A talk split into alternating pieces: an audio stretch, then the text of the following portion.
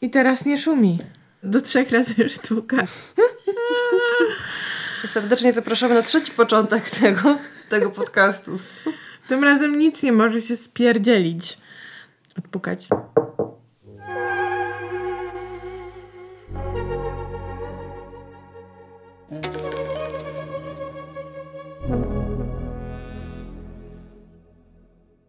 Jak byłam teraz na tym szkoleniu przez tydzień w Ostrawie, No. to była jedna dziewczyna z Libanu i powiedziała, że oni też mają taki, em, taki rodzaj przysłowia, przesądu związany z drewnem, że po prostu dotknij drewna, w sensie tak jak Touch u nas... wood. Tak, Mhm. tylko że u nas się odpukuje, nie? W niemalowane drewno, a u nich się po prostu dotyka drewno po to, żeby słuchaj, przekazać złą energię temu drewnu i zostawić yy, ten, to wszystko złe, co masz, jakby co cię, jakieś, jakieś złe czary czy złą energię yy, zostawić w tym drewnie. Ej, to spoko, bo jak odpukujesz, to od razu wszyscy to słyszą i wiedzą, że jesteś przesądna mega. A, A tutaj wystarczy dotknąć a delikatnie. tu wystarczy dotknąć i nikt nie musi tego zauważyć. No. I też możesz taki dyskretny kawałek drewienka nosić przy sobie zawsze i po prostu jak jest problem, to, Jak trwoga, to do drewna. to do drewna zdecydowanie. A ty masz jakieś takie przesądy, co ludzie się z ciebie śmieją, że je kultywujesz? Hmm, nie wydaje mi się, żeby ktoś się ze mnie śmiał z powodu moich przesądów akurat. Jest wiele innych powodów. Ale czy ja mam przesądy? Nie, nie wydaje mi się. A ty masz jakieś? Tak, ja mam taki swój przesąd, że jak wyjdę już z domu No. i wracam po coś do tego domu, A, to muszę usiąść i policzyć do dziesięciu, bo inaczej bo inaczej będzie pech. będzie jak przekroczę próg ponownie. Więc y, doprowadziłam tę sztukę y, do perfekcji. Przysiadam na brzeszku czegokolwiek i liczę bardzo, bardzo, bardzo szybko. Nikt tak szybko nie liczy do 10 jak ja. E, no ale generalnie y, jak z kimś na przykład, wiesz, wychodzę wspólnie i wracam i to robię. E, no, Patrzą się dziwnie. no tak, no. Tak, Z miłością i pewnym współczuciem. tak. No tak. U mnie też był w rodzinie ten przesąd, ale jakoś nie przeszło na mnie to szczególnie. Tylko rzeczywiście mam. zwykle, kiedy mi się to zdarza, że czegoś zapomnę i wracam, to jest też oznaką tego, że jestem w jakimś mega niedoczasie, jestem bardzo zestresowana, więc Tak. generalnie to jest taki czas wzmożonego ryzyka, że wpadnę pod y, jadącą hulajnogę albo wdepnę w coś niemiłego. Więc, e, więc tak, więc rzeczywiście wskazane jest chyba, mm, żeby usiąść na chwilę i pooddychać, żeby się, wiesz, wylewelować. A, że co, jest takie, takie ma cele ten. No ja tak sobie myślę o tym, To żeby, jest bardzo sprytne. Ja myślałam, że nie żeby wiedziałam. jeszcze usiąść na 10 oddechów i się zastanowić, czy czegoś jeszcze nie potrzebujesz z domu, no bo jesteś w ewidentnie jakimś nerwowym momencie, nie? Bardzo, widzisz jaki mądry przesąd? Moim zdaniem strasznie mądry, ale uważam też, że go mocno racjonalizuje, bo, bo prawdopodobnie u podłoża był po prostu jakiś zabobon w stylu Że trzeba się pomodlić do, wiesz... do świętego obrazka, bo jak tego nie zrobisz, to spotkasz czarnego kota po wyjściu z bloku, potem będziesz musiała przejść pod drabiną i co tam jeszcze jest takiego? E, lustro, lustro potłuczysz. A, no i lustro siedem potłuczesz lat na- już. W windzie. No ale na szczęście nic takiego ci nie spotkało w drodze tutaj, jak rozumiem. Nie, nie, nie, nie. Słuchaj Malina, a czy za wszystkie nieszczęścia odpowiadają nasze matki? Uuu. Tak naprawdę, a nie lustro? Nie, no przecież lustro. To Bo już dzisiaj- ustaliłyśmy. Bo dzisiaj chcemy rozmawiać e, z okazji okolicznościowej, czyli Dnia Matki, Dnia Córki, chciałam powiedzieć Dnia Dziecka, No. o relacjach naszych trudnych. Matek i córek. La, la, la. Tak, takie robisz miny, jakbyś tego nie wiedziała. No pierwsze słyszę, ale może one nie są tylko trudne, Marto? Może one też są dobre czasami? No właśnie widzisz, Czy ja tak jest chciałam... tam coś dobrego? Ja tak chciałam zaskoczyć, bo chciałam tak zacząć, że, że od tych trudności, a potem się okaże, że to jest jednak bardzo, to są bardzo piękne relacje jednak. Aha, czyli ja po prostu być. zaspoilowałam No nie szkodzi, nie scenariusz. szkodzi. Nie wiedziałaś w końcu przecież, że będziemy o tym rozmawiać. Bo żaden z tych, co żaden z tych, co słucha ten podcast, nigdy nie doświadczył obu stron tego medalu. Więc nie wie, jak to się rozwinie. Dobra, No. zaskoczmy się i naszych słuchaczy i słuchaczki. No dobra, a miałeś taki moment, jak byłaś nastolatką, że miałaś straszną kontrę w stosunku do swojej mamy? No tak, wydaje mi się, że miałam dużą kontrę w stosunku nie tylko do mojej mamy, ale wszystkich dorosłych i ogólnie takiego, e, powiedziałabym, common sense społecznego. Nie ufać nikomu po trzydziestce. To znaczy, na pewno było we mnie coś takiego, że miałam bardzo duży bunt. I ostatnio zresztą przerabiałam tę historię na, na tych warsztatach, na których byłam ze storytellingu, uważaj, między innymi, mm, że miałam bardzo duży bunt wobec takiego postrzegania świata, że trzeba polegać tylko i wyłącznie na sobie. I to się przejawiało w takich różnych dobrych radach w stylu no nie przejmuj się tym, tymi tam przyjaciółkami, które ci zrobiły pod, mm -hmm. pod prąd. Już nie pamiętam oczywiście w jakiej sprawie, ale mm, jeśli będziesz miała farta, to będziesz miała może, nie wiem, trzech przyjaciół w życiu mm -hmm. e, prawdziwych, a reszta to jest tylko po prostu są ludzie, które, którzy cię jakoś tam spotykają i na, na w jakiś sposób masz z nimi jakieś interakcje, ale oni nie, nie, nie będą istotni. Um, żeby tak dużo energii nie wytracać na te relacje międzyludzkie i to pierwsze, pierwsze, a drugie, żeby e, no właśnie jakoś nie przywiązywać się za bardzo do konceptu grup społecznych i tego, że można coś osiągnąć jako grupa. Mhm. Że, że jednak tutaj e, trzeba polegać na samemu sobie, ewentualnie na najbliższej rodzinie, a nie na jakiś tam, wiesz. I to był ten przekaz jakby od y, środowiska dorosłych w tym... Y matczyny przekaz, który cię no, no, denerwował. No. no, tak mi się wydaje, że to jakby był taki konsensus generalnie y, społeczny w, w, w, latach szalejącego neoliberolo, czyli lata, y, tutaj też trzeba zaznaczyć znowu niestety, mm. ziejącą między nami lukę wieku.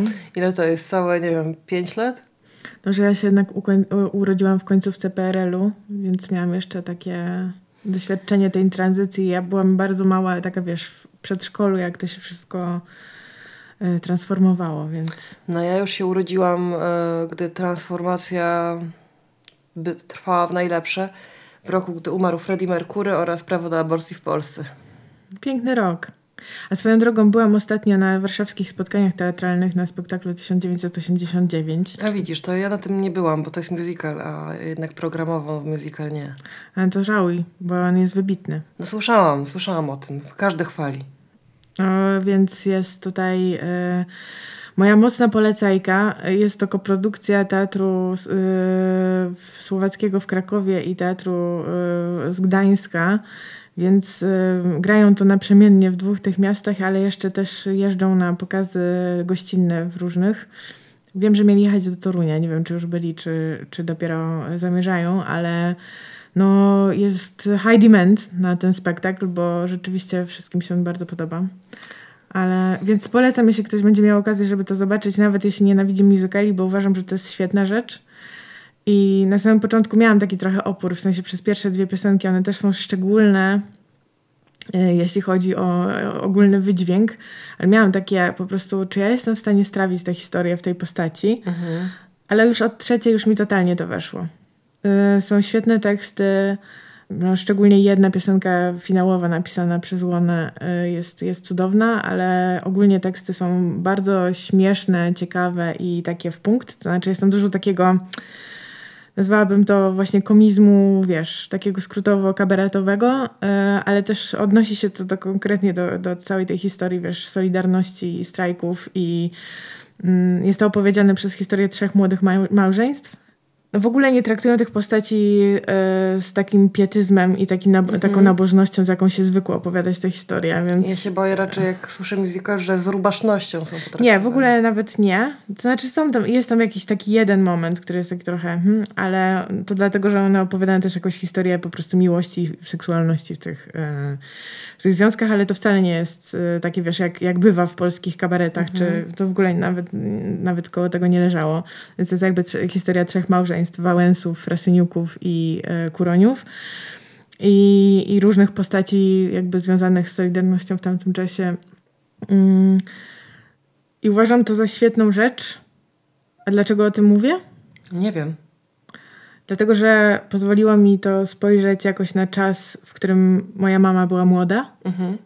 e, i lepiej zrozumieć tę rzeczywistość. Mhm. Chociaż znam to z przekazów historycznych to i z przekazów ich własnych, chociaż nie za często o tym jest okazja rozmawiać, no nie? Tak to mam wrażenie, że mimo tego, że to jest forma musicalowa i to jest takie bardzo, wiesz, na prawach, wiesz, yy, yy, jakiegoś symboli i takiego umowności pewnej, to to pozwoliło mi w jakiś sposób się prze, przeflancować mentalnie do tamtego czasu i sobie wyobrazić, jak to było rzeczywiście być młodą osobą, czy młodą rodziną, czy w młodym związku młodą aktywistką, nie wiem, działaczką związkową, czy cokolwiek, jakby w, w tamtym kontekście społecznym. Mm -hmm. I to jest super wrażenie i mi się udaje zrobić coś takiego niesamowitego na scenie, że, że naprawdę ludzie czują te emocje yy, i widać to po sali, nie? że ludzie entuzjastycznie reagują na momenty entuzjastyczne i krzyczą i klaszczą i są po prostu, wiesz... Już w ogóle dwa razy poszłam na ten spektakl, tak bardzo mi się spodobał, że chciałam go zobaczyć drugi raz. Yy, chciałam też lepiej usłyszeć teksty, których nie słyszałam, bo akurat siedziałam w takim, takiej części sali, że Boże, to, to tak chwalisz, to może faktycznie trzeba się przełamać. Ja już wiesz, no są to takie różne spektakle, co ludzie się zachwycają, potem idziesz i myślisz, że wcale to nie jest takie dobre. Znaczy ja uważam, że to jest dobre na wielu różnych poziomach. Po pierwsze to jest dobre, dobre technicznie, w sensie oni świetnie tańczą, tam są w ogóle dwie takie tancerki, które nie mają żadnej roli śpiewanej, ale tańczą y, w choreo w tych takich, wiesz, momentach, kiedy kilka osób tańczy na, na, na scenie jest synchron. I one są świetne. Po prostu nie mogą oczu oderwać. Cały pierwszy spektakl to właściwie patrzyłam na tę jedną dziewczynę, jak ona tańczy. Poza tym jest znakomita muzyka, bo napisał to Weber, czy też Weber z, z duetu Łona i Weber. I są to świetne piosenki, które też y, wiele cytują jakby takich znanych nam numerów y, i transformują je w nowy utwór, ale jakby jest to też super takie, takie intelektualno-muzyczne wyzwanie, żeby sobie to prześledzić, co ci to przypomina i dlaczego to jest o tym. E, po trzecie, te teksty są moim zdaniem bardzo dobre. Może nie są wybitne, w sensie gdyby Łona całość napisał tego, to moim zdaniem byłoby to super wybitne, ale byłoby też takie łonowe, wiesz, w sensie mhm. takie mocno intelektualne. A to jest takie trochę Czasami to jest bardzo dosłowne i takie wy wykładające, bo oni sobie też postawili za zadanie, że to będzie też do, jakby przystępna forma poznania tej historii dla młodzieży. Więc jakby opowiadają tę historię trochę tak jakby abowo i nawet są takie sceny, kiedy mówią, dobra, ale dlaczego my tu w ogóle jesteśmy, to cofnijmy się do któregoś tam roku i opowiedzmy jakby jak to było po kolei. Więc momentami jest to bardzo dosłowne, a jest tam też dużo dowcipów i te piosenki wchodzą tak w ogóle i moim zdaniem, no i kolejny level, na którym to jest dobre, to są właśnie te emocje, nie? Że po prostu jakoś cię wciąga ta historia, mimo tego, że to jest takie, no, że jest to musical, umówmy się, e, nie jest to teatr dramatyczny, a jednak cię to wciąga. Właśnie. Pamiętasz ten nasz odcinek o zachwycie i jak muzyka działa. To moim mhm. zdaniem to jest świetny przykład tego, jak ta muzyka rzeczywiście we współczesnym teatrze może wywoływać taki rodzaj wspólnych emocji, które możesz się bronić jakoś bardzo, ale trochę nie masz szans, żeby z tym wygrać. I byłam na spotkaniu z publicznością po tym pierwszym pokazie w piątek yy, i przyszło tam jakby bardzo duże grono jakichś różnych osób z różnych kontekstów i yy, śmieszne, bo, bo Janek Czapliński prowadził yy, to spotkanie i tak bardzo chciał bardzo chciał intelektualnie o tym spektaklu opowiedzieć i zadawał takie pytania, które były takie typowo, wiesz, z IKAP-u, a wszystkie osoby, które były na, na sali, opowiadały przez swoje emocje. I to po prostu, że ja pamiętam ten czas, albo ja nie pamiętam tego czasu, ale jestem nauczycielką historii i coś tam, albo wiesz, jakby. No, wszyscy mieli takie po prostu jakieś mega mocne przeżycia z tym związane, i ja też. No i jakoś tak myślę, że mnie to yy, w pewien sposób przeniosło na jakiś nowy level, yy, może nie empatii, ale jakiegoś lepszego zrozumienia po prostu tego, jak to, jak to, jak to było być rodzicem w ogóle w tamtym czasie. Mhm. I to miałaś jakieś takie doświadczenia, bo sobie myślę o tym, że można mieć różnego rodzaju taki okazję do tego, żeby poczuć, że moja mama jest też... Yy, jest, była też młodą kobietą, była nie zawsze była mamą. Tak, otóż to. Miałaś jakieś takie momenty takiej rewelacji? Wiesz co, ja tak mam, jak y, patrzę na zdjęcia, y, na których ja jestem zupełnie malutka mhm. i moja mama ma w związku z tym ma 32-33 lata. Mhm. Mm, czyli jest o 2-3 lata starsza ode mnie dziś. Aha. I zawsze patrzyłam na te zdjęcia jak na siebie i moją matkę, która jest w roli matki, jest matką, jest mamą i wiadomo, że w związku z tym nie ma wieku, nie ma, y, nie ma niczego poza tą funkcją, nie? Znaczy jest oczywiście fajna, roześmiana i tak dalej, czy, czy, czy, czy w jakimś nastroju, ale jest po prostu mamą, jest trochę bezwiekowa w tym. A teraz, jak y, sama już do tego wieku się zbliżam, albo patrzę na jej zdjęcie ślubne, kiedy jest jeszcze, jeszcze trochę młodsza, y, to widzę, że totalnie jest młodą dupą, nie? Mhm. że totalnie jest y, lask laską w moim wieku, że nie jest mamą dla mhm. nich, tylko właśnie no, moją rówieśniczką dziewczyną, nie? Mhm. I to jest dla mnie jakieś wow. No właśnie ciekawe jak to jest, czy bo mam wrażenie, że jednak zachodzi jakaś mega zmiana jakby pokole- pomiędzy tymi pokoleniami, jeśli chodzi o nie tylko sam wiek, w którym się ma dzieci, mhm. kiedy się decyduje na to dziecko albo założenie rodziny czy coś tam. Już w ogóle sama, sam fakt, że to się kwestionuje, czy na pewno chce mieć rodzinę, czy i dzieci, to już, to już jest duża zmiana. Ale też właśnie w takim pojmowaniu dorosłości. Tak. Ja pamiętam swój bunt przeciwko temu, jak próbowano na mnie, jakby rodzina próbowała na mnie jakoś tak um, mnie skłonić do tego, żebym się zachowywała doroślej niż chciałam się zachowywać. Że czas na czas, czas po prostu spoważnieć i zakładać poważne ubrania i y, wziąć kredyt i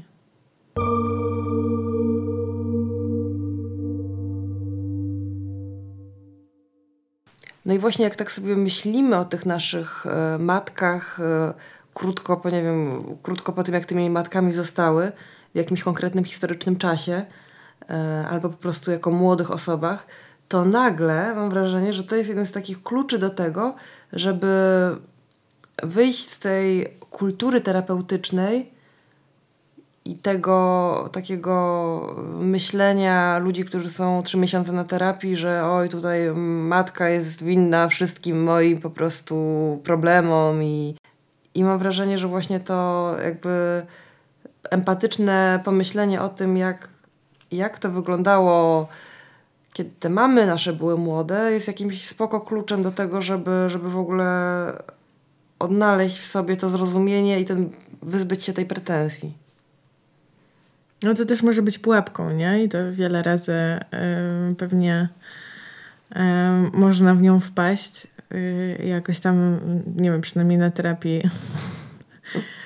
wiele razy to słyszałam, że jakby takiego rodzaju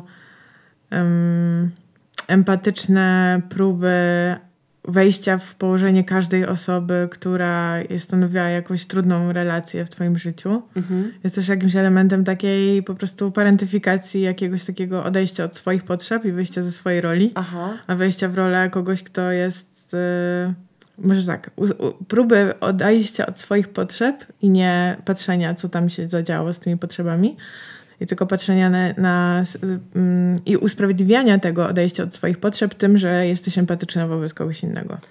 Słuchaj, to jest taki kłąb, który my musimy rozłożyć na czynniki pierwsze, uważam. Proszę bardzo. Jesteś dzieckiem. Nie, jesteś w jakimś wieku, idziesz na terapię. Zacznijmy od, od tego momentu. I nagle tak. na tejże terapii dowiadujesz się, odkrywasz sama, tak. że to, jaka jesteś, nie oznacza, że ty jesteś nie taka, czy, czy, czy, że ty jesteś po prostu popsuta od środka, tylko na przykład wpływ miało na to twoje wychowanie i postawy twoich rodziców i ich zachowania. Tak, na twoje problemy. różnych osób, no. Tak, tak ale, no ale rodzice jako jakby kluczowe osoby tutaj na pewno odgrywają często bardzo wielką rolę. No jasne. I wtedy, no nagle zaczyna się bunt numer dwa po buncie nastoletnim mam wrażenie. No. Że nagle tutaj musi, teraz będziesz stawiać granice. Ale to teraz bardzo szybko przychodzisz do takiego etapu, który moim zdaniem jest nieunikniony i zdrowy, mhm. ale że wydaje mi się, że jeszcze sporo osób się zatrzymuje na etapie poprzednim, to znaczy, że nie jest w stanie do, dopuścić do siebie myśli o tym, że coś było nie tak w tym, w tym domu. Mhm.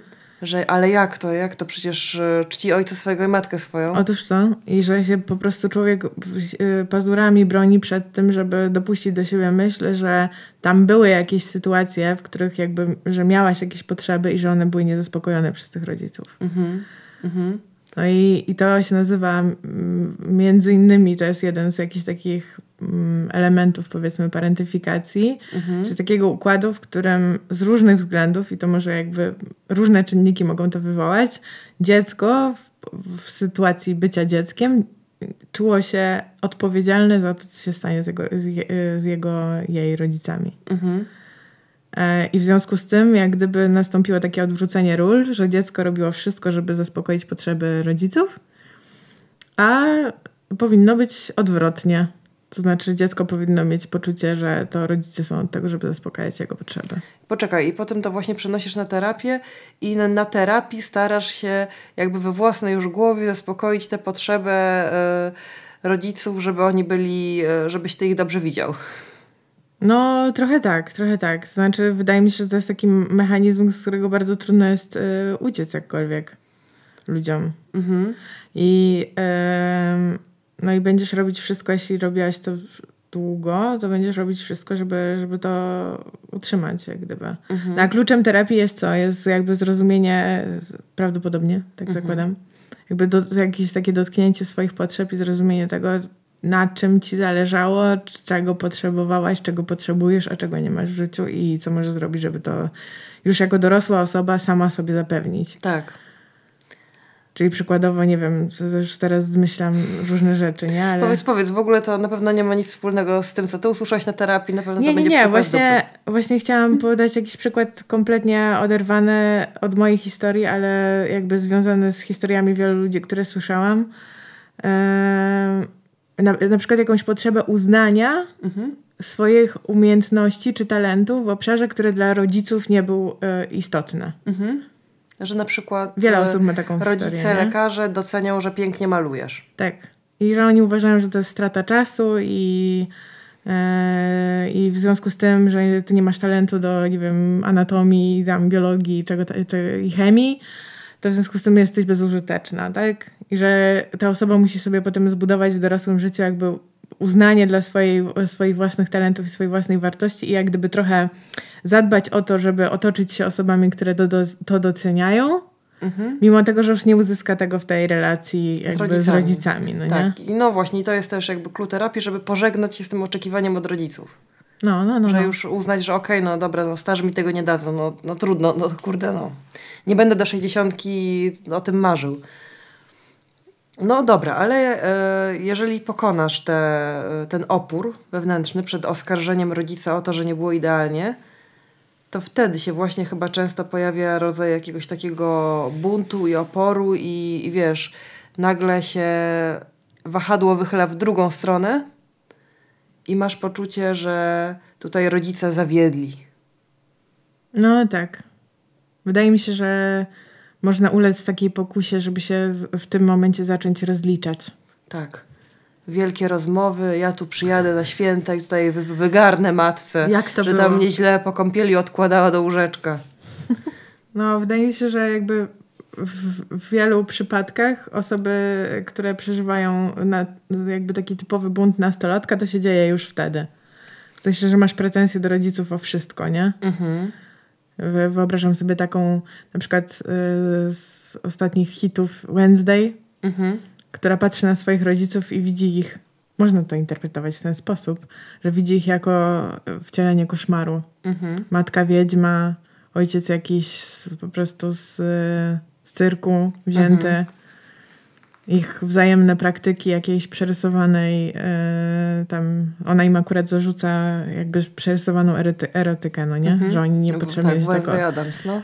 Nie, że oni tak się po prostu obściskują na jej oczach, a to jest nie, nie, nieadekwatne i że też co, o co jeszcze ona tam ma do nich pretensje?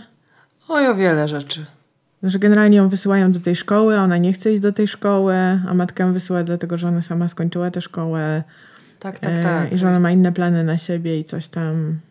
No tak, no dobra, jak jesteś nastolatkiem, to, to ciśniesz to ostro. Ale jeszcze tak wiesz, nie masz tej, po prostu hormony ci szaleją, nie masz tej walidacji zewnętrznego eksperta od twojego zjebania, nie? Czyli terapeuty. No. Który ci, po, który, który ci to tłumaczy i wtedy czujesz się już jako dorosły, e, już często na przykład nie mieszkając z rodzicami, w takim większym prawie do tego, żeby tutaj wygarnąć, nie? Tej swojej biednej matce. No tylko właściwie co, czemu to ma służyć, to wygarnianie? No właśnie moim zdaniem niczemu, no.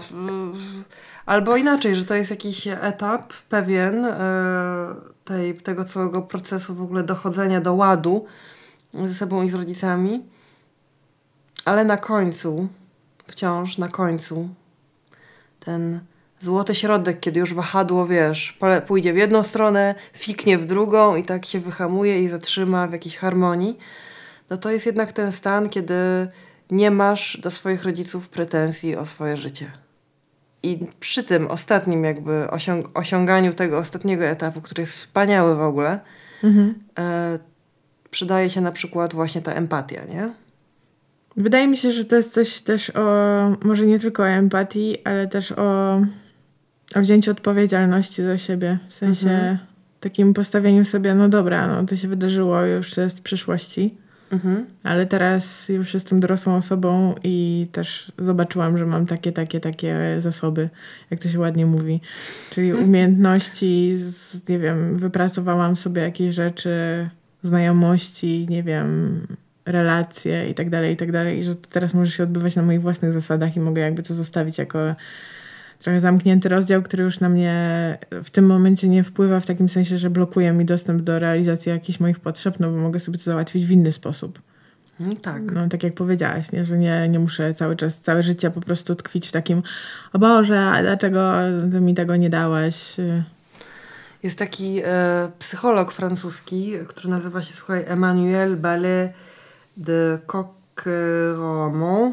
Przeczytałam to teraz, e, bo to jest naprawdę e, nazwisko długie. Przeczytałam z nim wywiad, który był chyba w Le Figaro i był przetłumaczony w wysokich obcasach i on mi w ogóle bardzo dużo uporządkował, e, nazwał mi jakieś rzeczy, nie? które... Hmm które jakoś tak niby czułam, ale, ale to było strasznie porządkujące właśnie dla tego myślenia o, o rodzicach już po terapii. E, I on twierdzi, że jest pewien etap życia, w którym nie jest się już kompletnie rodzicem i dzieckiem. Jesteś postrodzicem. Postparent, on ma taki termin. Mhm. E, I czym to się i, objawia? dzieckiem. I to się objawia tym, że po prostu relacja rodzic-dziecko, matka-córka na przykład, mhm. już nie jest, już nie masz tego. W sensie już nie jesteś matką, już nie jesteś córką, już jesteście dwiema osobami po prostu, bardzo sobie bliskimi. Oczywiście, często, nie? Mhm. W sensie nie da się, to, to nie jest tak, że wasza historia wspólna się kasuje, mhm. tylko że trzeba trochę same, samej skasować w głowie to myślenie, że wciąż jesteście w tej było, nie było relacji hierarchicznej. Mhm.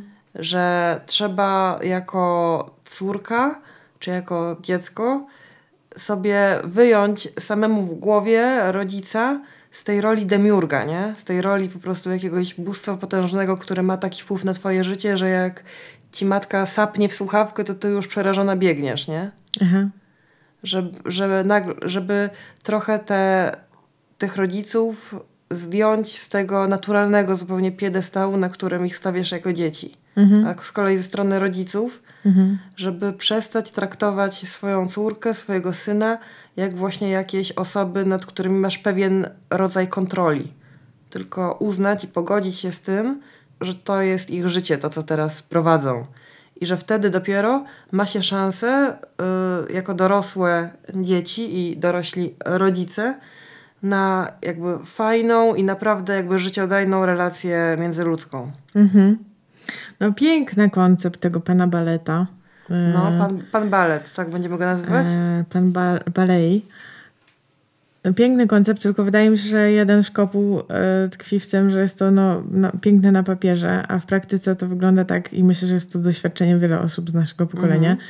że to my chodzimy na terapię i przerobimy jedną część tej relacji, mhm. a rodzice nie i nigdy nie będą mieli szansy pójść e, na terapię, ani nie będą mieli czuć nawet takiej potrzeby. E, w związku z tym przerobienie tej relacji z nami no, nie zachodzi po prostu. Więc to jest troszkę taki e, gołąbek, który ma jedną nóżkę bardziej. No, być może w tym, w tym pokoleniu akurat tak. w Polsce. No, pamiętajmy, że on jest Francuzem, nie? Tam ludzie dawniej chodzą do, do psychoterapeuty. No, zwłaszcza biali z klasy średniej. A zwłaszcza ludzie, którzy nazywają się Emmanuel Ballet de Coqueramont. no, no, ale... z klasy wyższej Słuchaj, Słuchaj, no ale poczekaj. Taki na ale, puentach. ale ja teraz będę się kłócić, bo uważam, że nawet jeżeli to jest jednostronne, to i tak uświadomienie sobie, że twój rodzic już nie jest demiurgiem, jest kompletnie, może zmienić dynamikę, nawet jeżeli ten rodzic to jest jakaś toksyna potworna.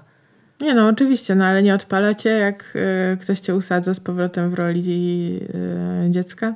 No oczywiście, że to jest naturalny mechanizm, że, że cię wtedy odpala, ale jakby no też rozum pracuje, nie? Oprócz y, gadziego mózgu. Ech, ja tam nie, nie przeceniałabym tego rozumu tak bardzo. Wiesz co, ale... W sensie ja rozumiem, że ludzie może, mogą mieć bardzo różne doświadczenia i y, pan Baje ewidentnie... Pan Bayer. bo ewidentnie ma inne doświadczenie, z, bo on jest też, też, terapeutą, tak? Nie tylko autorem książek. Jest psychoterapeutą, tak. Aha, no to ewidentnie no, widzę, że tutaj prowadził terapię wielu rodzin i ma doświadczenie, że to działa, skoro tak pisze. Wink, wink. Ale, ale z mojego doświadczenia to jest takie, no, jakby możliwe. Mhm.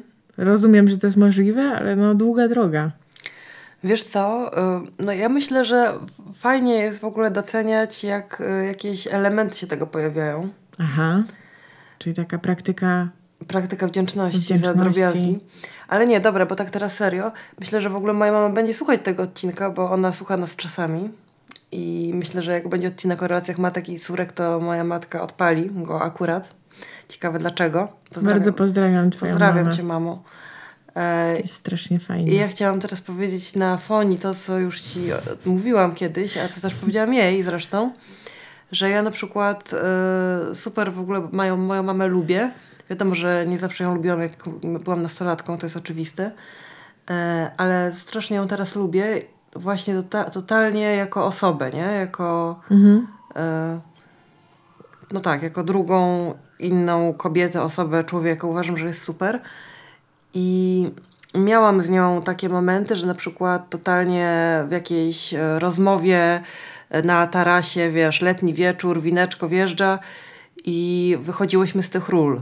W sensie moja mama nie opowiadała mi rzeczy, z, nie mówiła z perspektywy mamy, która mówi do córki, Aha. tylko z perspektywy po prostu osoby, kobiety, jakiegoś, wiesz, człowieka w świecie, nie? I to były jakby absolutnie wspaniałe momenty. I ja już wtedy zaczynałam mówić jak do po prostu jakiejś laski spotkanej, wiesz, spotkanej na imprezie, że Boże, ty jesteś taka fajna w ogóle, ale super, super gadamy. wiesz. Mhm. E, no i nie wiem, i e, strasznie na przykład lubię w mojej mamie również to, że ona potrafiła, e, mimo że jestem jedynaczką, więc to pewnie nie było takie łatwe, potrafiła zaakceptować to, że już jestem dorosła. Nie? I że już tutaj nie ma, nie ma kontroli. Mhm. Uważam też, że to nie jest po prostu takie częste, ale może dlatego też widzisz, ten pan Emanuel mi wjechał, bo mam jakiś przykład tego, że jest możliwe to, żeby przestać być takim rodzicem, który ciągle jest taką, wiesz, kwoką ze skrzydłami i, i nigdy w życiu nie wyjdzie z roli matki i nie powie ci nic jako człowiek od siebie. Bo ja trochę nie kułam tego, mhm. bo rozumiem moment, w którym jakby przewartościowuje się to w odniesieniu do waszej relacji. No. Czyli, że, że przestaje ci wydawać polecenia i oczekiwać, że ty je zrealizujesz w odniesieniu do twojego życia. Że to jest, rozumiem, że, że, że na, tym, na, tym, na tej relacji i w tym odniesieniu, że się to zmienia. Albo, że w rozmowach przestaje być w roli osoby starszej i mądrzejszej, czy też na przykład takiej, którą interesuje głównie w tobie jako człowieku, czy jest ci ciepło, czy umyłaś zęby i czy zjadłaś. I czy masz posprzątane. Aha, rozumiem, no. Tak jak wiele, wiele tych relacji funkcjonuje, nie?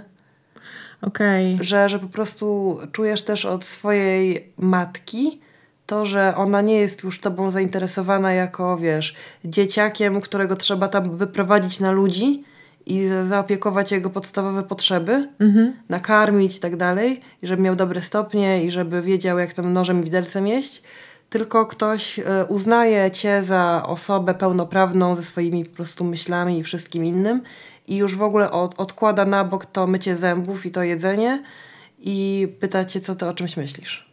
I chce, mhm. jest ciekawy tego, co ty o czymś myślisz i nie pyta cię o to dlatego, żeby powiedzieć, a to źle myślisz, bo ja ci z doświadczenia powiem. To wydaje mi się jakby, że to nie jest cecha relacji. Że to jest cecha osoby Aha. konkretnie. Bo no po prostu znam osoby, które niezależnie od tego w relacji z kim y, są, mhm. to jakby będą to jest przykład wielu wujów, no po prostu takich, którzy niezależnie od tego, czy są w kontekście, wiesz, czy, czy to jest wuj rozmawiający ze swoją mamą, czy to jest wuj rozmawiający ze swoją córką, czy to jest wuj rozmawiający z drugim wujem. Mhm. Wyobraziłam sobie teraz taką galerię wujów, no. To nie jest zainteresowany drugą osobą jako człowiekiem. Mhm.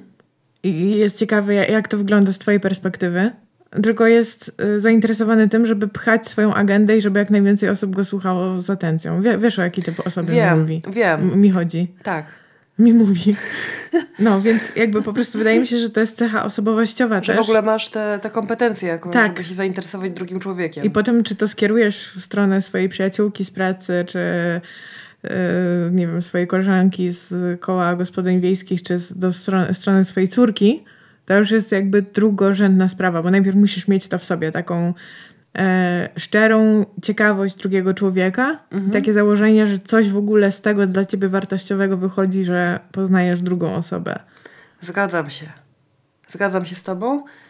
I wciąż uważam, że w odniesieniu do ludzi, z którymi twoja relacja przez 20 lat polegała na tym, że się nimi opiekujesz, to, to jest trudniejsze niż a no jasne, no tak, zapewne, zapewne, tylko jakoś tak potrzebowałam to tak, tak, tak. uchwycić, że to jest też cecha jakby indywidualna, mhm. osobowościowa. No tak, tak. Znaczy, no nie wiem, czy osobowościowa, czy to jest poprawne, ale generalnie chodzi mi o to, że po prostu są ludzie, którzy tego nie mają w odniesieniu do żadnej osoby i tyle. Bo im się nie chce na przykład. Pomyślałam sobie, wiesz co, teraz oglądałam finałowy odcinek Sukcesji Mhm. I to też jest trochę nie, o tym. Nie spoiluj, proszę, nie spoiluj. Nie zamieram, nie zamierzam, nie zamieram. Nie, nie będę spoilować nic, e, kiedy powiem, że no cały ten serial jest o relacji pomiędzy ojcem a dziećmi. Tak. E, które nigdy nie dorastają do roli. Może źle to ujęłam, bo to jest jakieś takie wartościujące, ale żadne z nich, moim zdaniem, w, w mojej ocenie, nie jest na takim etapie życia, że jest w stanie powiedzieć dobrze, że to jest mój ojciec i on ma swoje, wiesz, demony i swoje mhm. problemy i swój sposób dealowania ze światem, a ja jestem odrębną jednostką, odrębnym dorosłym i mi to już nie robi. O nie, nie, rzeczywiście Sukcesja to jest wspaniały w ogóle przykład. Cieszę się, że, że powiedziałeś o tym serialu, bo to jest cały ten serial chyba jest o tym, jak trójka dorosłych miliarderów po trzydziestce żyje wciąż w cieniu, w cieniu giganta, jak y, mał, mali chłopcy i mała dziewczynka. No. Ciągle wiesz, no, myślący o tym odziedziczeniu firmy starego jako sposobie, w który on ich zaakceptuje i wreszcie przyzna, że są wystarczający. No jest to dla mnie dosyć wstrząsające, jak, jak to oglądam i myślę sobie... I, i, I myślę sobie, że to jest rozegrane na bardzo wielu różnych poziomach i w różnych momentach wracają te, te wątki. No bo po pierwsze jest ta relacja pomiędzy tym, tym, tym rodzeństwem, mhm. które nie tylko ze sobą rywalizuje, ale też nadal jest jakby łatwo się regresuje do tego momentu, kiedy byli dziećmi. Tak. I bawili się wspólnie i jak te ich zabawy przebiegały i tak dalej, i tak dalej. Nawet ich bycie niemiłym dla siebie jest takie, wiesz, y, tak jak nastolatki na siebie tak. trąpapę, jesteś głupia, E, więc, więc jakby trochę widzisz ich takich ponadczasowych w tej relacji, że to jest jakby wieczne rodzeństwo i że zawsze tak będzie. I tam dochodzą kolejne piętra, kolejne re, ich relacje dodatkowe, ich doświadczenia i ich jakieś tam role społeczne, które przybierają, ale jak bazowo oni są nadal jakby rodzeństwem. Mhm. Takim statkiem. No i potem jest, dochodzi ta figura ojca i i cała ich relacja z ojcem jako grupa, jako rodzeństwo, ale też indywidualna. I tam się pojawia po prostu też wątek rywalizacji pomiędzy nimi o tę uwagę ojca. Mhm. No i to się oczywiście ogląda jak dramat szekspirowski, bo bazuje na tym samym. To znaczy opowiada jakąś taką bardzo archetypiczną yy, tak, historię. Był król i miał trzech synów, tylko tak. tutaj jest jedna córka był król i miał trzech synów i... I każdy poszedł na przy, jakieś przygody tutaj. Ja bym nawet powiedziała, że on jest taką figurą paraboską wręcz. No właśnie, bo to, taki... bo to jest właśnie takie ojcostwo w stylu Demiurga. No. Że on, i to jest zły Bóg, który ciska gromy.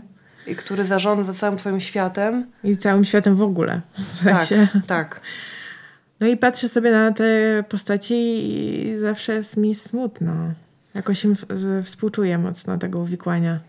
Tak, tak, tak. Że oni mogliby mieć wszystko w zasadzie. To znaczy każdy, każdy z nich jakby tak można powiedzieć, że ma taki kapitał, że mogłoby jakby założyć swoją firmę, zacząć coś zupełnie od zera, w ogóle się odciąć od tego i tylko jeść do końca życia, w sensie konsumować to, co zgromadzili, yy, zająć się swoją rodziną, nie wiem, zająć się jakąś pasją związaną z, nie wiem, czy kurde, zdobywaniem szczytów, malowaniem zachodów słońca, whatever. Słuchaj, Conor przecież zajmuje się swoją pasją. nice. No tak, tak, tak. Ale jakby mogliby, no właśnie Conor jest, jest trochę takim przykładem, które, no tak, bo to jest czwarty członek yy, rodzeństwa powiedzmy.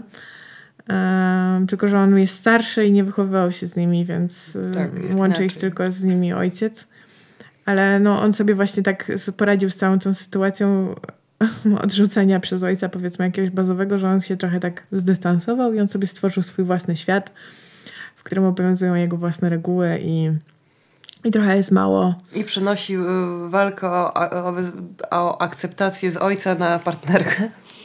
No, no, no, więc e, jeśli ktoś nie oglądał tego, to naprawdę polecam przynajmniej jeden odcinek sobie zobaczyć, jak to może być ciekawe dramaturgicznie, w sensie, żeby to przenieść w, we współczesny świat rekinów biznesu. E, taką archetypiczną historię walki o uznanie wielkiego rodzica Boga. E, no i tak, no i nie powiem, jak to się kończy. No i dobrze, bo ja dopiero nadrabiam i trzeci sezon teraz cisnę. Ale o matko, jestem... to ty jesteś... Ale uwielbiam ten serial. Za pierwszym razem mi nie, nie wszedł w ogóle w pandemię, jak go zaczynałam oglądać, bo chyba miałam dość po prostu wtedy, wiesz... Ciężkich relacji. Ciężkich uczuć i zimnych relacji. Listopad, nie chciałam patrzeć na szkło i wiesz, i beton i, i ludzi, którzy są zimni i chodzą w szarych garniturach. No ale potem zaczęłam oglądać już, jak no, można się było normalnie spotykać z ludźmi i to było zupełnie co innego. Uwielbiam Romana, to jest moja ulubiona postać. Tak? Tak. A twoja? Nie mogę ci powiedzieć, co o nim myślę teraz, jak już się serial skończył. Dobra. Ale powiedz tylko, jaka jest twoja ulubiona postać. Ja myślę, że tutaj y, chwyt jest taki, że my żadnej y, postaci mamy, znaczy mamy, mamy prawo żadnej postaci nie lubić, albo ale ja lubić tak w różnych momentach. Nie lubię żadnej postaci, no tak, lubić w różnych momentach. Że ta sympatia się tak przesuwa po prostu po postaciach, bo jedna zrobi coś naprawdę karygodnego, poniżej pasa, chwyt i, i że już nie chcesz jej więcej widzieć na oczy, ale w pewnym momencie następuje jakiś taki rodzaj znieczulenia na to wszystko, że zaczynam to postrzegać już jako takie desperackie chwyty. On jest trochę przeciągnięty, ten serial, tak w ogóle. W sensie uważam, że tam siada już ta dramaturgia, mhm. y że trochę za dużo jest tego, wiesz... Już to wpada w taki tryb, że oni po prostu tylko się pałują i jest to wszystko na takich ciętych, cynicznych komentarzach. I to już jest trochę nudne, trochę się gubisz w tym, gdzie tu jest w ogóle logika. Ale ostatni sezon jest świetny. Ale też w ogóle już widziałam te jakieś analizy na, w periodykach takich poważnych, że na przykład e, dlaczego lubimy Kendala, nie?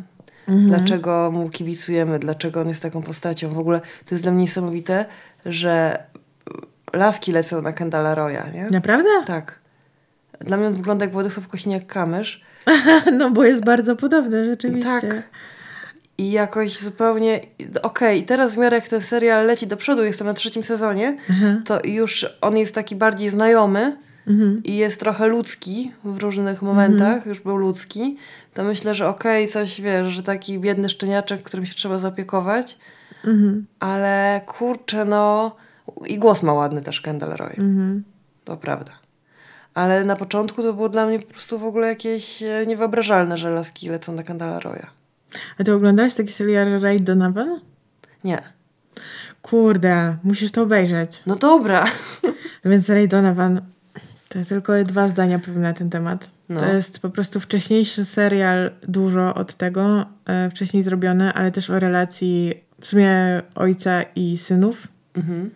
I Boże, jakie to jest dobre. Zaczyna się jako taki serial sensacyjno-dziwny, a potem już jest totalne po prostu jazda drama, dramatyczno-psychologiczna, rodzinne. Wszyscy mhm. grają jakby takich potomków y, irlandzkich osadników. Mhm. Kurde, wybitne.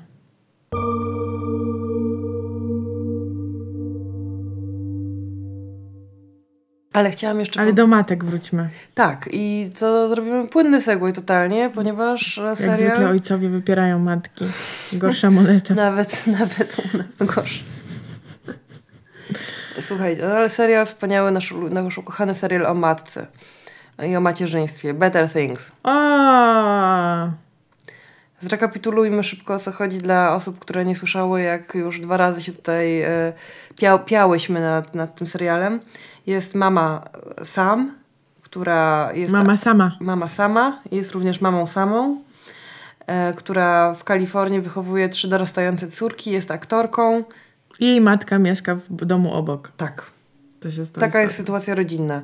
I po prostu jak ja zobaczyłam tę Sam, która tam ogarnia całą tę kuwetę i przychodzi z tego samochodu i nikt jej nie pomaga wypakować tych siat z zakupami i ona je po prostu kładzie e, jeszcze wiesz, właśnie taka ubrana po pracy w tej e, kowbojskiej jakiejś kurtce e, kładzie to w przedpokoju, widzi, że pies się zesrał na środku, e, a, a że córka siedzi, siedzi i żuje gumę i ogląda telewizję i dostaje piany tak. To ja myślę, Boże, rozumiem moją matkę. Wreszcie rozumiem moją matkę i stało się to dzięki amerykańskiemu serialowi o aktorce w Hollywood. Tyle było trzeba. Dziękuję Ci, dziękuję Ci Netflixie. No, pięknie jest to pokazane tam wszystko. I bardzo jest dobrze też pokazane, jak e, potwornie okrutne są nastolatki dla matek. No w ogóle nastolatki są okrutne dla siebie nawzajem również. I dla siebie samych także. Dla I wszystkich. Są Zawsze jak moja babcia mówiła, że ona by tak chętnie wróciła do tych czasów, kiedy była taka młoda i dla niej to oznaczało też, że miała dużo wolności i mieszkała w, z dala od swoich rodziców akurat, bo się przeprowadziła do Zielonej Góry po II wojnie światowej, jak miała 16 lat. Mhm. E, więc z dużym rozrzewnieniem wspominała tamte czasy, jak grała w teatrze i e, miała wielu przyjaciół i wszystko było takie, wiesz, mhm. no. Ale ja bym nie chciała wrócić do tego czasu. Chociaż fizycznie czułam się lepiej być może niż dziś, ale po prostu ten mrok to takie poczucie, że Jezus, um, jestem najgorszą osobą na świecie. I najgrubszą. I wszystko, co najgorsze mnie spotkało i muszę się sama z tym uporać i Jezu, nigdy więcej. I nigdy po prostu nie dorównam tylu wspaniałym ludziom. I zawsze taka mieszanka zaskoczenia z pomieszaniem i utratą rozumu, jak ktoś okaże ci jakąś odrobinę zainteresowania, to od razu myślisz... Ojejku. Boże, naprawdę? To... Ja? To o, to o mnie mówisz? No, to straszny był to czas. No ale właśnie straszność tego czasu tam jest dobrze pokazana w tym serialu Better Things i też e, jak, pamiętam taki odcinek, jak te wszystkie trzy córki, nie, dwie córki starsze e, w tym okresie buntu mają jakieś takie straszne używanie sobie robią na swojej matce, nie? Że mhm. tak nakręcają się wzajemnie i zaczynają się z niej śmiać i wiesz, po prostu taką kręcić bekę mega. Tak. I ona w końcu y, mówi im, że są po prostu głupie mhm. i wychodzi. I wiesz, zapłak zapłakana wychodzi, nie? No tak. I jakby jest odwrócenie tych ról, że matka zachowuje się jak nastolatka. Mhm. I one wtedy są kompletnie, wiesz, obie na początku, że wiesz, no to idź, nie? Już takie, wiesz, nabuzowane, ale potem robią się kompletnie, no, no, no i co teraz? Mhm. No tak. Tak, bo to jest też super ciekawe, jak właśnie yy, w tej relacji tej samej płci matka-córka następuje to takie, wiesz, trochę utożsamienie się. Mhm. To jest twoja, twój wzór taki naj, najbardziej naturalny. A z drugiej strony musi nastąpić to oderwanie, nie? Ta jakaś indywiduacja i właśnie ona często przebiega w sposób brutalny. Jak one mają na imię? Te córki? Tak, jest. Max, najstarsza, mhm. Franki druga i Duke, najmłodsza. To Max, y, jest taki moment, kiedy ona już jest na tyle dorosła, że wyjeżdża na studia. Mhm. I ta matka robi wszystko, żeby jej ułatwić tę tranzycję i żeby ją tam wypchnąć w ten świat. a ona jest na tyle wolnym duchem, co zresztą zawdzięcza wychowaniu swojej matki, że stwierdza, że te studia nie są dla niej w pewnym momencie i postanawia wrócić do domu. Lubię ten, e, ten moment w serialu, kiedy tam to się ciągnie przez kilka odcinków, ale jak ta matka próbuje zrobić wszystko, żeby ją jednak z tego domu wypchnąć, mhm. a potem luzuje shorty i stwierdza, że dobra, to już zostań. Jakoś tam też lubię to w tym serialu, że on nie jest dosłowny w tym znaczeniu, że tam się dużo dzieje w tych relacjach, ale one nie są opowiedziane tak, wiesz, tak czasami w serialach tych o rodzinie się robi, że dokładasz jakąś inną postać i wtedy matka opowiada tej innej postaci, co przeżyła i w związku z tym już wszyscy wiedzą literalnie, łopatą, łopatą. literalnie co się jej w głowie wydarzyło, a tutaj bardzo doceniam to, że to jest wszystko grane przez sam Fox właśnie w taki sposób, no, że ona coś tam pokaże tą twarzą, ale tak naprawdę tego procesu, co tam zaszło z tyłu jej głowy, to albo musisz się domyślić, albo musisz to poczuć empatycznie, bo miałaś sama jakieś podobne doświadczenie być może.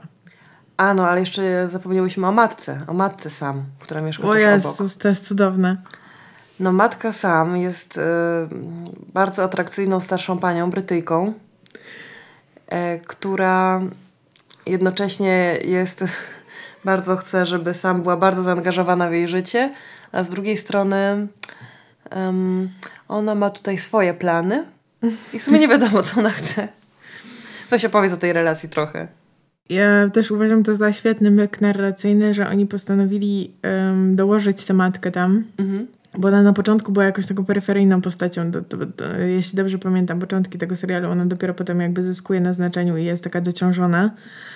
E, dlatego, że to trochę pokazuje właśnie z jednej strony te przemiany pokoleniowe i powiedzmy jakieś tam zmiany cywiliza- cywilizacyjne, które zachodzą w rodzinach, tylko że to nadal jest rodzina artystyczna, więc tego aż tak mocno nie czuć. Mhm. Ale z drugiej strony to pokazuje, jak to, co sam przeżywa z tymi swoimi córkami, za parę dziesiąt lat może wyglądać, e, jeśli ona pewnych zmian nie dokona, powiedzmy, jeśli pewnych wyborów, no bo ona cały czas pracuje na tym, nie? Na, mhm. w sensie na tej historii się zastanawia, um, co może zrobić lepiej w swoim życiu jako matka.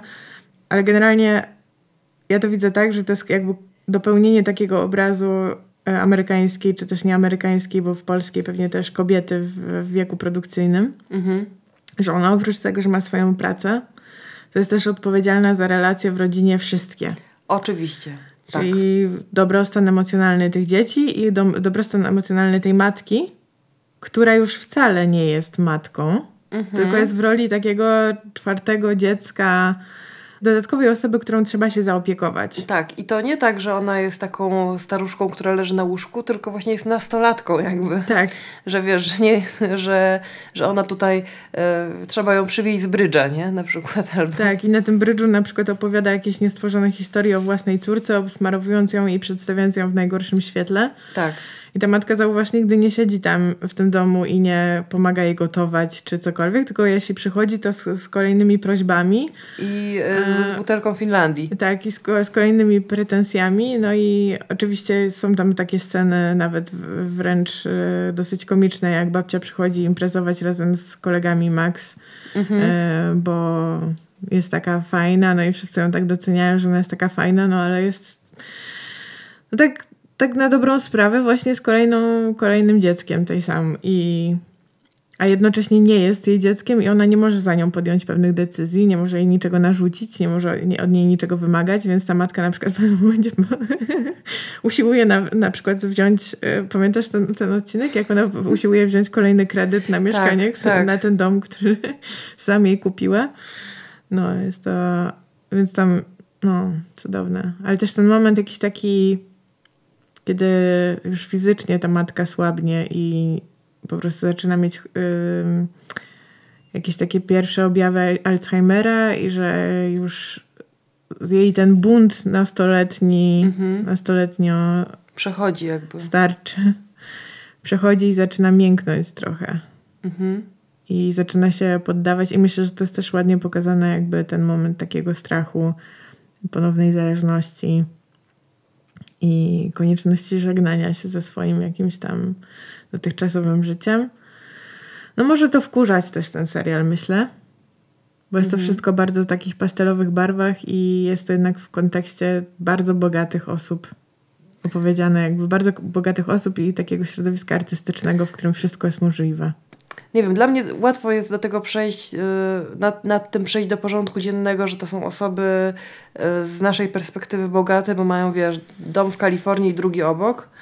Y, no. Bo po prostu te, i to, że mają, wiesz, dom trochę ładniej urządzony od, od zwykłego polskiego domu, mm, bo po prostu ta sam, ona nie ma, wiesz, pokojówek, jej plan dnia, praca, dom, dzieci, ogarnianie tutaj chaty, ten, psy, nie wiadomo co, jest upranie, zabrać coś, to on nie zmienia się przez to, że ona jest bogatsza, nie?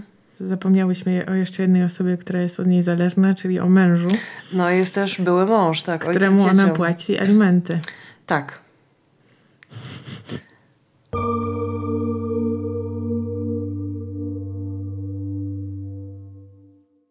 Byłam na spektaklu Melodramat w Teatrze Powszechnym Anny Smolar ze wspaniałą muzyką Enchanted Hunters i super światłem również Moniki Stolarskiej. I tamże, nie, nie jest to chyba spoiler, chodzi o sytuację, w której mężczyzna jest uroczym utracjuszem, a kobieta niczym w pętli hasa szuka go po mieście i ogarnia go. Mhm. I Boże, siedziałam tam na tej widowni, pewna po prostu, że każda kobieta powyżej 20 roku życia, która była w związku z mężczyzną kiedykolwiek, po prostu jest tam coś, z czym ona się utożsami, nie? Mhm. Może to jest jakieś mizandryczne, co mówię teraz, ale, ale to totalnie mam wrażenie, że to jest w ogóle jedno z takich bardziej frustrujących doświadczeń, że jest druga dorosła osoba, mhm. które, którą nie możesz już zarządzić, nie możesz jej skontrolować, to jest no nie możesz, no to jest druga jakby dorosła, niezależna, niezależna w ogóle odrębna od ciebie osoba, która, równorzędna, albo na przykład jak matka sam e, no jest twoją matką, a z drugiej strony zachowuje się ona w sposób taki kompletnie nieodpowiedzialny, w tym sensie, że mówi, że coś zrobi i tego nie robi i się dziwi, a to miałam to zrobić, a to zrobię. E, I wiesz, i musisz za nią ogarniać, ale nie możesz jej narzucić. A mhm. pewne rzeczy musi zrobić ona sama. Nie możesz zrobić. A dlaczego ona nie może rzucić z tego faceta? No słuchaj, no, no nie będę ci mówić, jak to przebiega. Okej. Okay. Dalej, ta Dobrze, cała historia. No to nie mów mi. E, ale, ale no są takie sytuacje w relacjach, prawda, dorosłych ludzi.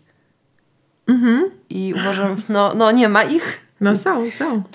Czekaj, czekaj, czy ty zawsze miałaś same zdrowe relacje z ludźmi? Nie, nie, nie, ale mm, ku mojemu własnemu zdziwieniu powiem dziś not all men. No ja też uważam, że not all men. E... Warto było szukać. No nie, no nie, no to wspaniałe, wspaniałe jest pokazane to właśnie uczucie potężnej frustracji, kiedy mówisz chłopu do ZUS-u miałeś iść. A, do ZUS-u. Tydzień temu rozmawialiśmy o tym. No dobrze, dobrze, to pójdę. I ty wtedy wybuchasz i mówisz mu, ale to nie jest tak, że pójdziesz jutro, to trzeba zadzwonić, to trzeba się zapisać. Mówiłam ci, musisz zadzwonić, musisz to ogarnąć, musisz tak się zapisać. Bo jak nie pójdziesz do tego ZUS-u, to mi wejdą na pensję, albo tobie wejdą na pensję. Ale jak wejdą na pensję? On pyta. I wiesz, mhm. i jakby ten, no właśnie, ten rodzaj jakby frustracji, kiedy zaczynasz już krzyczeć i, wychodzi, i to ty wychodzisz na wariatkę, mhm. no niesamowite jest, nies niesamowicie świetnie jest to tam pokazane. No to myślę, że ten rodzaj relacji partnerskiej, w której partner jest dzieckiem albo co gorsza nastolatkiem, jest dosyć powszechny. Mhm. E, głównie chyba ze względu na to, że no my na jakimś takim pewnie podświadomym e, levelu próbujemy naśladować y, jakieś takie relacje, które znamy i które nam wydają się... I znów wracamy do rodziców? Wiesz, w tym spektaklu, który oglądałam. Każda z nas dzisiaj przyszła ze swoim spektaklem. No, Rozdzieliłyśmy trochę, się na pewien czas. Trochę tego nie zamierzałyśmy, ale tak wyszło. W tym spektaklu jest to, co jest super cenne, to to, że jest tam wniesiona taka feministyczna perspektywa, która bardzo rzadko w tych opowieściach o Solidarności, okrągłym stole jakby wybrzmiewa mhm. nadal, mimo wysiłków wielu kobiet. Mhm. Ale w tym filmie jest to opowiedziane jakby w tym filmie, w tym spektaklu jest to powiedziane jakby zupełnie przez taki nowatorski język powiedziałabym właśnie piosenki w trochę lekkiej formie, przez te bohaterki i tak dalej, i tak dalej. Jakoś inaczej się to odczytujesz. To już jest takim językiem powszechnym opowiedziane. Mhm. I to jest językiem pretensji tych kobiet do tych mężów, którzy urastają do rangi jakichś takich bohaterów narodowych, bo są internowani, bo są przetrzymywani. A w bo... tym czasie, kiedy on jest internowany, ona szóstkę dzieci e, Otóż opiera. To. Otóż i, to. O, o, go, I karmi. I w tym spektaklu to bardzo mocno wybrzmiewa, bo nie tylko ona te dzieci opiera, ale ona też buduje ten ruch. W sensie mhm. połowa kobiet Solidarności, połowa członków Solidarności to były kobiety. Połowa kobiet Solidarności to były... I one odpowiadały za bardzo wiele działań i budowanie tego ruchu i tworzenie postulatów i oprócz takich też postaci liderskich jak Henryka Krzywonos na przykład, czy Anna Walentynowicz właśnie, że, że też było mnóstwo kobiet w tym ruchu, które jakby budowały go, a jednak jeśli się uczy o, o tym, o tych o całym tym okresie jakby w, historii, no to głównie się podkreśla znaczenie tych mężczyzn, no bo oni byli tymi i właśnie znowu, wiesz, archetypowo bohaterskimi postaciami, które doświadczały jakiejś tam, wiesz, przemocy ze strony państwa, chociaż nie jest to prawdą, że kobiety nie doświadczały przemocy ze strony państwa, bo również. Słuchaj, to zawsze jest po prostu historia powtarzana od wieków. Kobieta myśli, skąd wziąć drewno, gwoździe, e, pomysł, bierze je, zdobywa, stoi, buduje stołek i kiedy już ten stołek jest zbudowany, to mężczyzna, który stał obok, na tym stołku siada. No i przez to chyba, że nie mamy zbyt wielu wzorców po prostu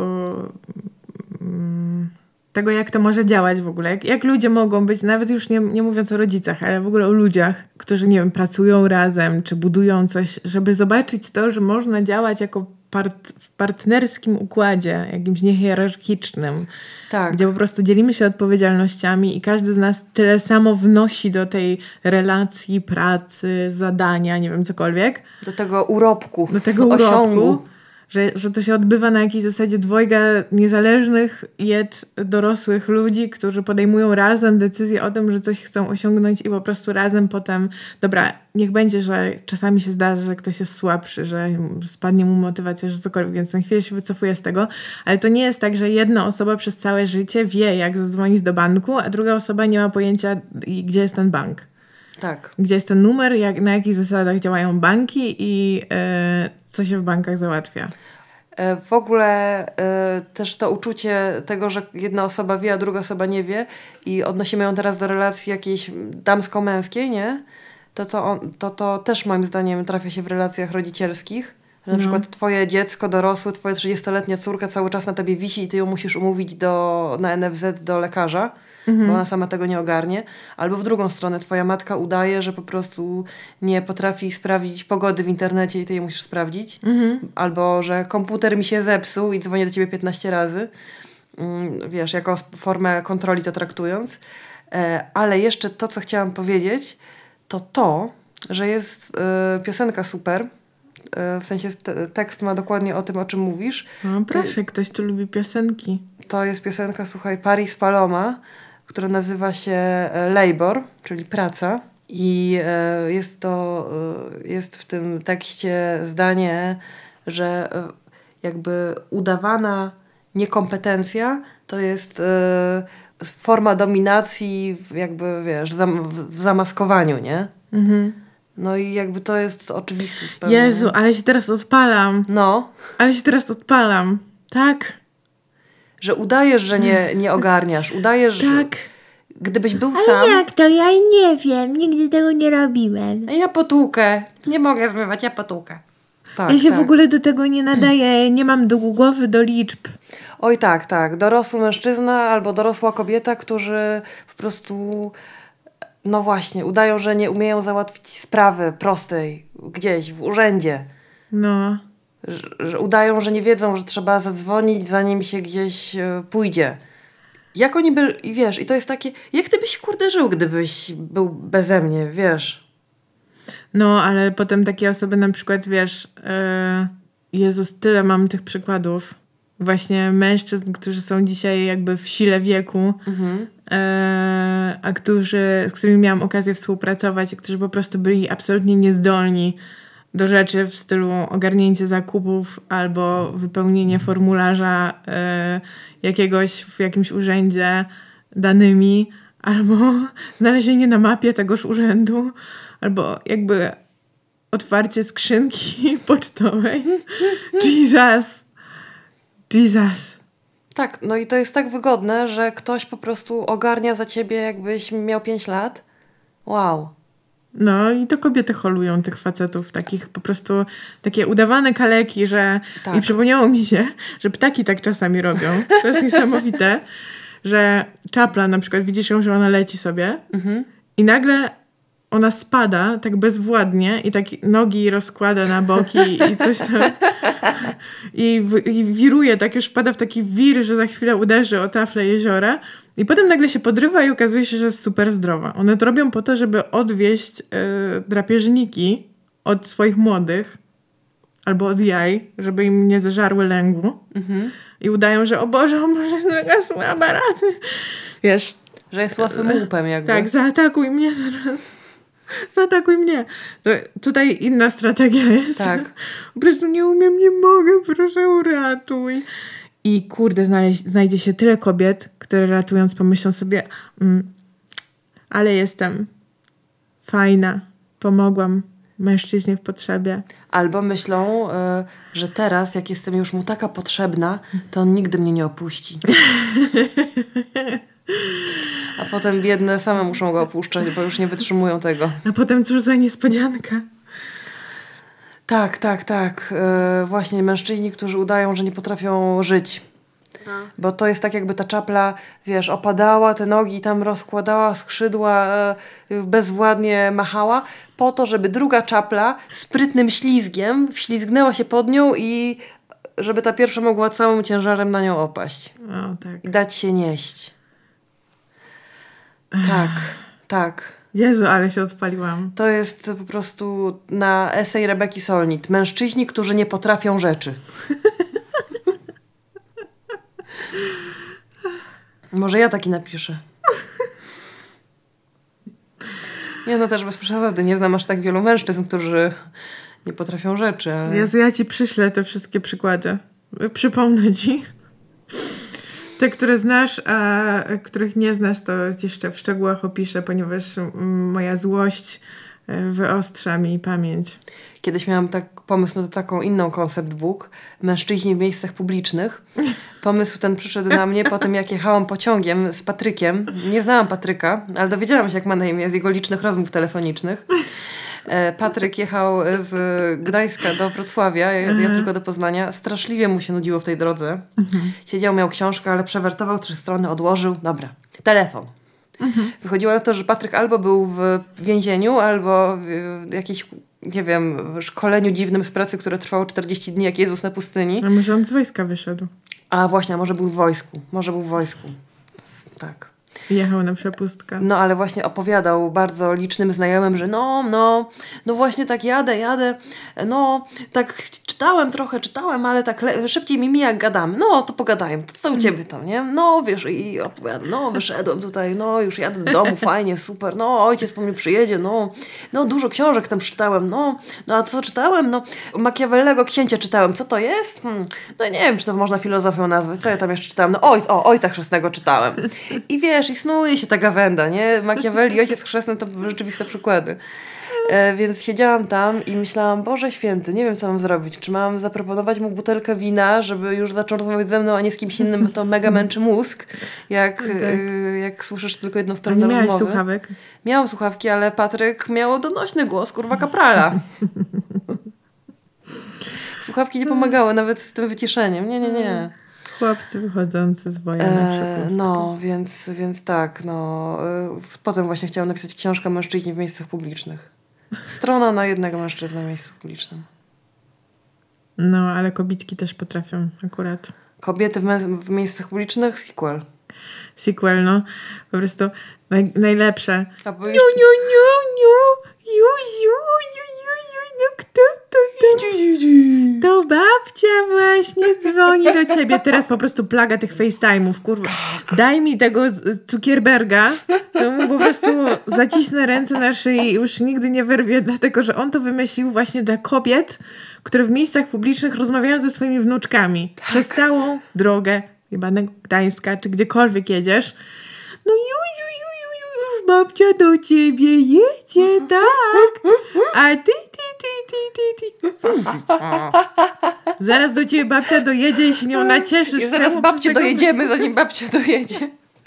Czemu musisz przez tego FaceTime'a po prostu cały pociąg angażować swoją relację z Juziem do jasnej cholery, no?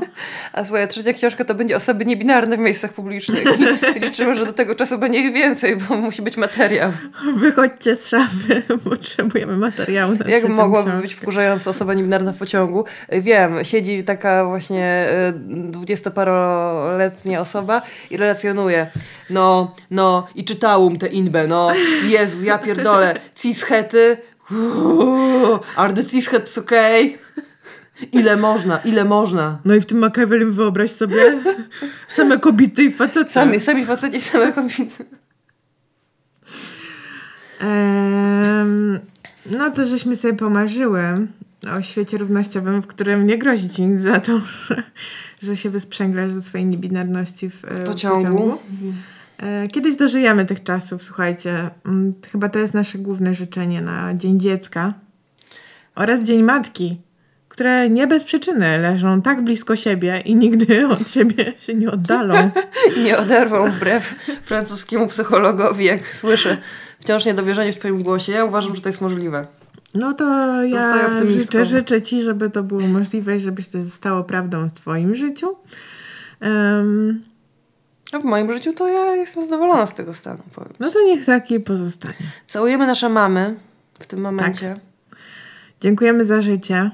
Dziękujemy za trud znoszenia nas przez czas długi.